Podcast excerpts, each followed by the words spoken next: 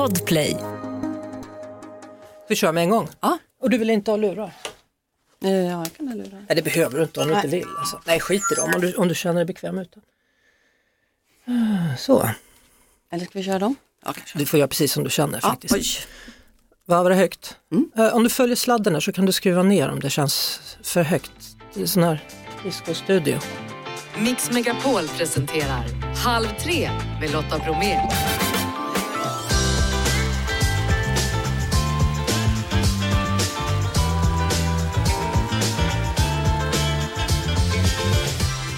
Så, Magdalena Andersson, Socialdemokraternas partiledare. Välkommen till Halv tre. Tack så mycket. Ja du, vilka långa dagar du har och vad liksom fullspäckat det är hela tiden. Jo, men det är klart, så är det. det är, dels är jag statsminister och så är det ju valrörelse ovanpå det. Om du då va- jämför valrörelsen den här gången jämfört med fyra år sedan när du inte var statsminister, vad är det för skillnad? Men det är klart, i en valrörelse är det ju extra fokus på partiledarna så att det är ju mer utfrågningar och fler debatter och dueller. Mm. Vilken ism tillhör du? Jag är in, in, tillhör en, ja, vi är ju socialdemokrat. Så är det socialismen då? beror på hur man, alltså så här, jag är ju demokratisk, eh, alltså vi tror ju, socialism är ett ord som är mycket vidare än, än socialdemokrati så jag brukar inte använda det ordet. Ka- Kan man förklara det med, med några enkla ord? Ja, vi socialdemokrater strävar ju efter ett eh, jämlikt eh, och eh, välmående samhälle där alla människor som bor och lever i Sverige ska ha goda förutsättningar att kunna växa, utvecklas och leva ett gott liv. Ett samhälle som håller ihop, Hur tycker du tonen har varit i årets valdebatt? fruktansvärd. Varför? Men det är väldigt högt eh, tonläge. Jag pratade med min företrädare Göran Persson så sent som igår just där. Han sa att det här, det, tonläget är något helt annat än, än när han var statsminister. Jag träffade Maud Olofsson för några veckor sedan och hon sa samma sak. Det var tufft redan på den tiden men, men i år är det så mycket personangrepp och hon är orolig för att yngre människor ska våga börja med politik när det är på det här sättet. Ja, och just, eh, hon är från Centerpartiet. Jag menar, just Annie Lööf har ju fått utstå enorma hatkampanjer. Ehm, ja, när man, hon har kallats för landsförrädare och eh, ja, som, som betalas av Sverigedemokraterna. Vem var du när du var tonåring? Ehm, jag ehm, var, hade roligt med mina kompisar och pluggade mycket. Ja, Hon var aktiv i SSU. jag blev så förvånad för jag såg du hade ju ett strålande betyg och så plötsligt var det en tvåa och så tänkte jag måste ta reda på vad det var en tvåa och då blev jag ännu mer förvånad. Det var i idrott. Ja, inte det är jättekonstigt med tanke på att du faktiskt var en väldigt duktig simmare. Jag ehm, var inte så förtjust i idrottsundervisningen i skolan så att, eh, det är bara ärligt att säga, jag var inte alltid där. Skolkade du? Ja. Hopp. Men ändå, du var ju en idrottstjej. Ja, så jag idrottade mycket. Ja, Så jag var nog duktig när jag var där. precis. Men, men du var riktigt bra i simning, låt oss Ja. säga det. Ja. Ja. Ja, jag vann ju ungdoms-SM två gånger. Precis. Nooshi var ju här. Mm. Eh, Hon är ju också före detta simmare, vet inte om du har koll? Ja, det vet jag. Ja. Och hon sa att hon utmanar dig på 100 meter fritt. Då utmanade jag henne på 200 meter bröstsim. Mm. Hon tänker inte ta den här utmaningen förrän ni sitter i, i regeringsförhandlingar säger hon, för då kanske hon kan få ett övertag. Det är hennes, hennes strategi, vad tror du? Ehm, jag tror att på 200 meter bröstsim får nog jag ett övertag. Ja. Eh, sen läste jag att du hållit på med gymnastik också Mm. och bröt foten. Ja, precis. Det är väldigt märkligt det här, för du och Nooshi har simmat Mm. och det betyder att du och Ulf Kristersson har hållit på med gymnastik. Just det. Ska han utmanas nu då? Eh, ja, eh, jag kan gärna utmana honom i simning. Jag tror han föredrar gymnastiken då, men Ja. ja. Men det är roligt att ha med sig. Jag har varit eh, gymnastikledare i många år nu eh, i vuxen ålder. Det är väldigt roligt. Du har varit det? Ja. ja men nå- något av dina barn håller väl på med?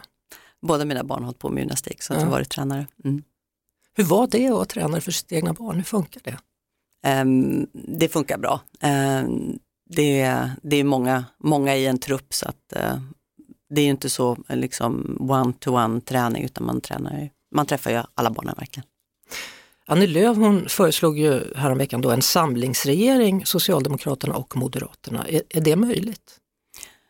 Jag tycker inte att vi i det här läget ska utesluta någonting, men det är, det är inte mitt förstahandsalternativ på något sätt. Men vi är i en väldigt allvarlig situation med ett eh, Rysslands militära krig i Ukraina. De har ju nu ett energikrig mot Europa med höga gas och elpriser i hela Europa påverkar ju även Sverige, även om ju vi inte använder så mycket rysk gas.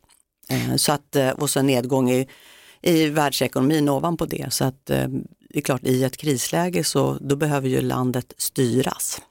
Och då blir Annie Lööf statsminister då? Eh, om man, tittar, eh, om man tittar runt omkring i världen, om det är flera partier i regeringen så brukar det vara det största partiet som har statsministerposten. Hur kommer du känna ifall ni förlorar valet? Eh, jag kommer naturligtvis vara oerhört bekymrad över vart Sverige tar vägen då. Och om vi pratar tonläge tidigare så inte minst då när, när ju Sverigedemokraterna ju har fört hatkampanjer mot enskilda politiker, de har trollarméer, de har anställda på, på sitt eh, partikansli som ju har trollarméer eh, som riktar sig mot unga klimataktivister. Mm. Och det är klart att allt det där legitimeras ju om en regering, om de antingen sitter i regeringen, har tjänstemän i regeringskansliet avgörande inflytande. Det är jag väldigt bekymrad över också tonläget blir mot människor som ja, kanske har ett annat ursprung eller en annan sexuell läggning eller mot kvinnor generellt. Mm. Alltså alla partier verkar ju ha någon form av svans som, som far lite bakom dem och grejar ute på internet. Alltså vilket ansvar har du som partiledare för att hålla ordning på Socialdemokraternas svans? Eh, nej men det är klart att man har ett, eh, ett ansvar och det handlar ju också om hur man själv uttrycker sig. Men Sverigedemokraterna är ju vad jag vet det enda partiet som har liksom trollarméer som eh, organiseras från, från partikansliet och har ju också en egen mediekanal som ju driver direkta hatkampanjer mot kvinnliga politiker i Sverige. Kan du i något läge tänka dig att släppa in Norsi och Vänsterpartiet i regeringen? Jag har ju sagt att det enda som jag utesluter det är ju eh, att samarbeta eller samregera med Sverigedemokraterna. I övrigt så tycker jag att svensk politik behöver fler öppningar och färre låsningar. Och jag kan ju beklaga att eh, Ulf Kristersson, Johan Persson och Ebba Busch har liksom valt att surra fast sig vid Jimmie Åkesson snarare än öppna för samarbete med, med mig och andra partier. Men om du då väljer att släppa in Annie Lööf, då kan inte Nooshi vara med? Ja, så här, nu, eh, nu ska ju svenska folket säga sitt först i eh, valet eh, och sen så är det ju upp till oss som blir folkvalda att ta ansvar för valresultatet. Och vi socialdemokrater har ju visat att vi är beredda att förhandla och samarbeta med olika partier för att Sverige ska kunna få en regering, för det behöver vi. Inte minst i det här läget med kriget i Ukraina och en tuff vinter som väntar oss. Varför föredrar du Annie Lööf framför Nooshi Dadgostar? Jag tycker att eh, båda är, är, bra politiker men, eh, och jag har haft bra samarbete med både Vänsterpartiet och Centerpartiet. Men jag tycker det är lite bekymmersamt att eh, Vänsterpartiet ju nu har haft eh, riksdagsledamöter under sommaren som har suttit och viftat med flaggor från terrorstämplade organisationer. Mm. Det bygger inte regeringsduglighet. När jag talade med Norsi om, om, Norsi om just den händelsen så sa hon att det är bara ett svepskäl att du använder det för att du egentligen inte ville prata sakpolitik. Jag har ju pratat massa sakpolitik med Vänsterpartiet nu senast när vi tillsammans lyckades få igenom en höjning av pensionen för de en miljon svenska pensionärer som har den lägsta pensionen. Eh, anser du som Ygeman och Hultqvist att SD utgör en säkerhetsrisk? Det går ju inte att blunda för det faktum att Eh, det finns eh, Rysslands kopplingar i Sverigedemokraterna, att de också haft personer som haft Rysslands kopplingar i försvarsutskottet i Sveriges riksdag och att Jimmy Åkesson ju nu på våras inte kunde välja mellan president Biden och, och den man som nu ju bombar sönder eh, Ukraina har ett energikrig mot Europa som gräver djupa hål i svenska hushållsplånböcker. Vilka samtal har du i så fall fört med Säkerhetspolisen Säpo om det här? Eh, Säkerhetspolisen följer naturligtvis utvecklingen hela tiden i svensk politik. Men det är klart det är en väldig skillnad om Sverigedemokraterna skulle hamna i regeringen eh, eller ha tjänstemän på regeringskansliet. För där finns ju väldigt mycket säkerhetsklassad material som inte bör spridas till främmande makt. Men, men, om nu SD är en säkerhetsrisk, anser du att de inte borde få vara med då när utrikesnämnden träffas till exempel? Så fungerar ju inte Sverige utan där är ju alla partier är ju med i utrikesnämnden och eh, jag menar när vi kallar in alla partier till olika samtal så är ju alla partier med. Men det är klart det är en väldig skillnad eh, mellan det och att ha tjänstemän i det löpande arbetet i regeringskansliet eller sitta i regeringen. Mm.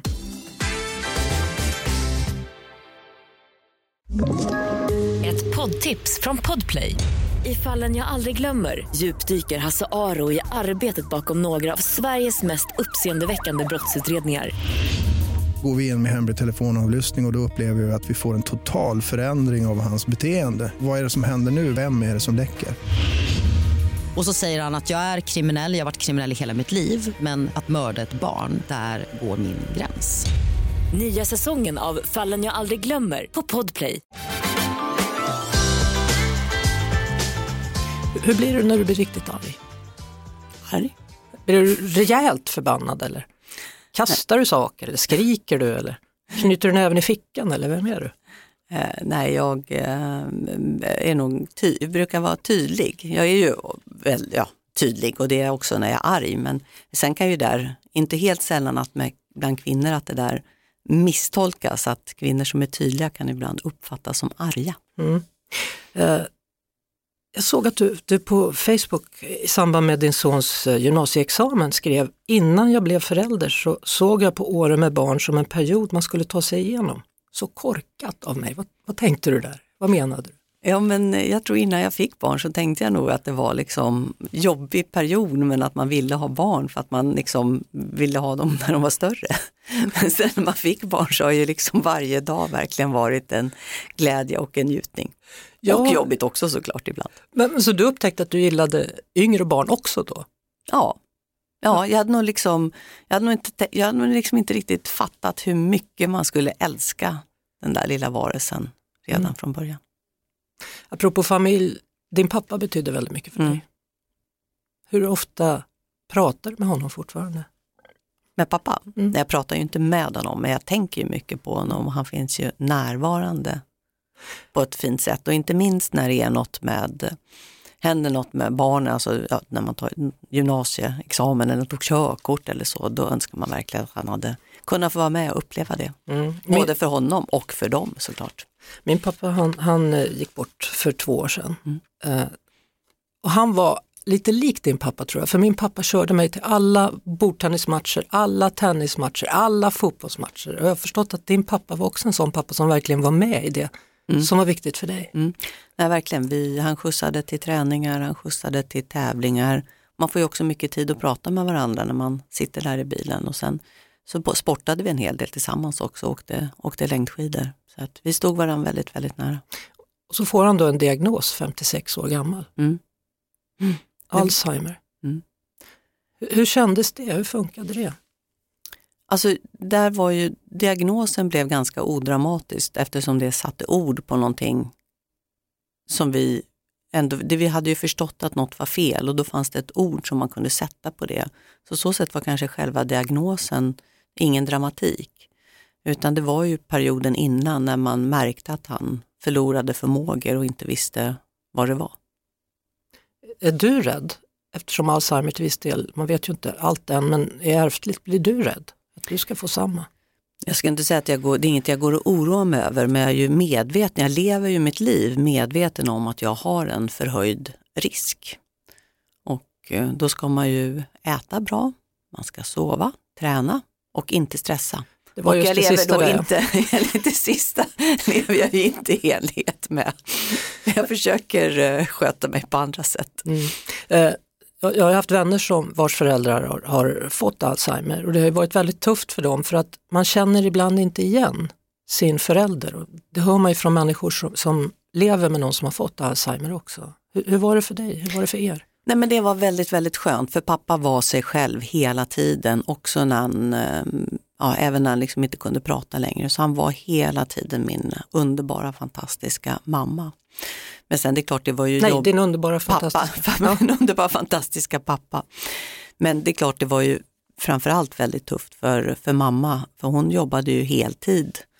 Och eh, ja, skulle samtidigt eh, ta hand om honom. Men vi fick ju också ett otroligt stöd från samhället. Det var ju precis som man vill att det ska fungera i Sverige med välfärden. Så när vi var som allra skörast, mm. då fanns verkligen välfärden där till för oss som vi kunde luta oss mot och få stöd. Både i form av dagaktivitet till pappa, ett boende sen när man är äldre, eh, men också såklart samtalsstöd för både mamma och mig. Jag tänker på det att han var ju ändå levande men inte där. Alltså den känslan mm. måste vara jätteknepig, eller? Nej men jag, tycker, jag tyckte inte det därför att, ähm, att, att vi älskade varandra, det, kunde man, det kan man kommunicera via ögonen. Och även om man inte kunde prata så kan man ju titta på varandra och, och kramas. Äh, så att äh, vi, jag kände i alla fall som att vi hade en väldigt nära kontakt mm. hela vägen tills han dog. Det såg ut som du fick nästan att du blev rörd? när du... Ja, det är klart jag blir rörd när jag pratar om, om pappa. Det, det är oändligt sorgligt. Men kanske framförallt blir jag rörd för att jag tänker på hur mycket jag älskar honom. Fortfarande? Ja. ja. Ge, ge mig något råd. Jag tänker på min pappa i stort sett dagligen. Mm. Ja, men det är väl fantastiskt. Nu blir du rörd. Ja. Nu kommer, ja, jag, nu kommer jag också bli rörd. Bara för det. Ja. Nej, men det är väl fantastiskt just att man gör det. Ehm, därför att det, allt det han gav mig finns ju där i mig varje dag, hela tiden och betyder väldigt mycket för den människa jag är idag. Så på så sätt så, så finns ju han i mig hela tiden. Med alla fantastiska fina värderingar som han hade, all den kärlek som han stod för, både mot mig men också mot andra människor. Du, hur är det med din man? Man ser sällan honom. Ja. Eh, tycker han inte om att synas?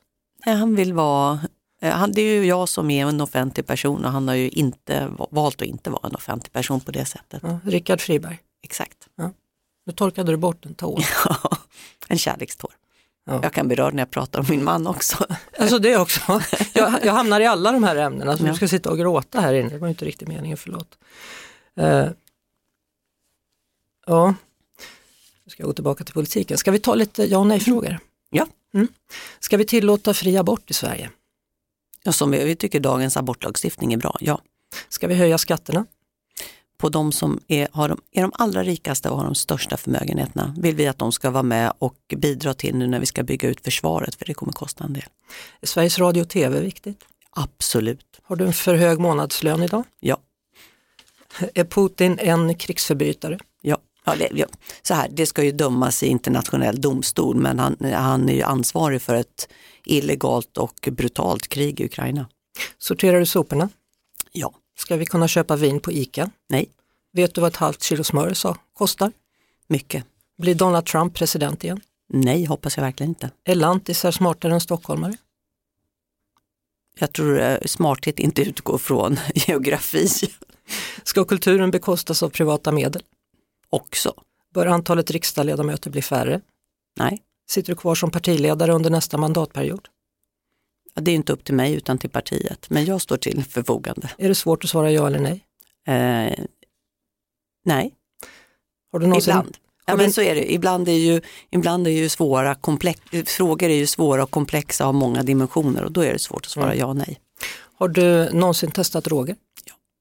Vad? Ja. Vad? Eh, jag har provat och, och Mariana. Hur var det? Dumt. Okej, okay. Men är det en erfarenhet du hade velat vara utan eller känns Absolut. det bra?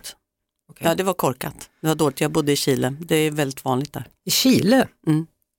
Jaha, det visste inte jag. Ja. Vad gjorde ja. du i Chile? Eh, jag ehm, skrev, eh, jag och min man skrev vår C-uppsats i Chile, alltså examensarbetet från universitetet i Chile och då passade vi på att bo där och läsa spanska mm. samtidigt och var på universitetet där. Det var, en, det, var, det var en bra erfarenhet. Nu kommer de strax och lyfter ut dig ur studion här, så jag vill bara fråga, nu är det inte så många dagar som återstår till valdagen, hur tänker du? Eh, jag är väldigt fokuserad på alla de eh, möten som jag har med människor och det kommer mycket utfrågningar så att det är ju full, full fart och framförallt så hoppas jag att svenska folket eh, går och röstar för det är ju det absolut viktigaste. Eh, vi behöver kämpa för vår demokrati. I Ukraina så är det många som kämpar med sina liv som insats just nu för att kunna få rösta i fria och allmänna val och vi ska ju ta den möjligheten, alla i Sverige. Tack så mycket för att du tog dig tid Magdalena Andersson, tack, Socialdemokraterna. Tack. Podplay, en del av Power Media. Ett poddtips från Podplay. I fallen jag aldrig glömmer djupdyker Hasse Aro i arbetet bakom några av Sveriges mest uppseendeväckande brottsutredningar. Går vi in med hemlig telefonavlyssning och, och då upplever vi att vi får en total förändring av hans beteende. Vad är det som händer nu? Vem är det som läcker? Och så säger han att jag är kriminell, jag har varit kriminell i hela mitt liv men att mörda ett barn, där går min gräns. Nya säsongen av Fallen jag aldrig glömmer på Podplay.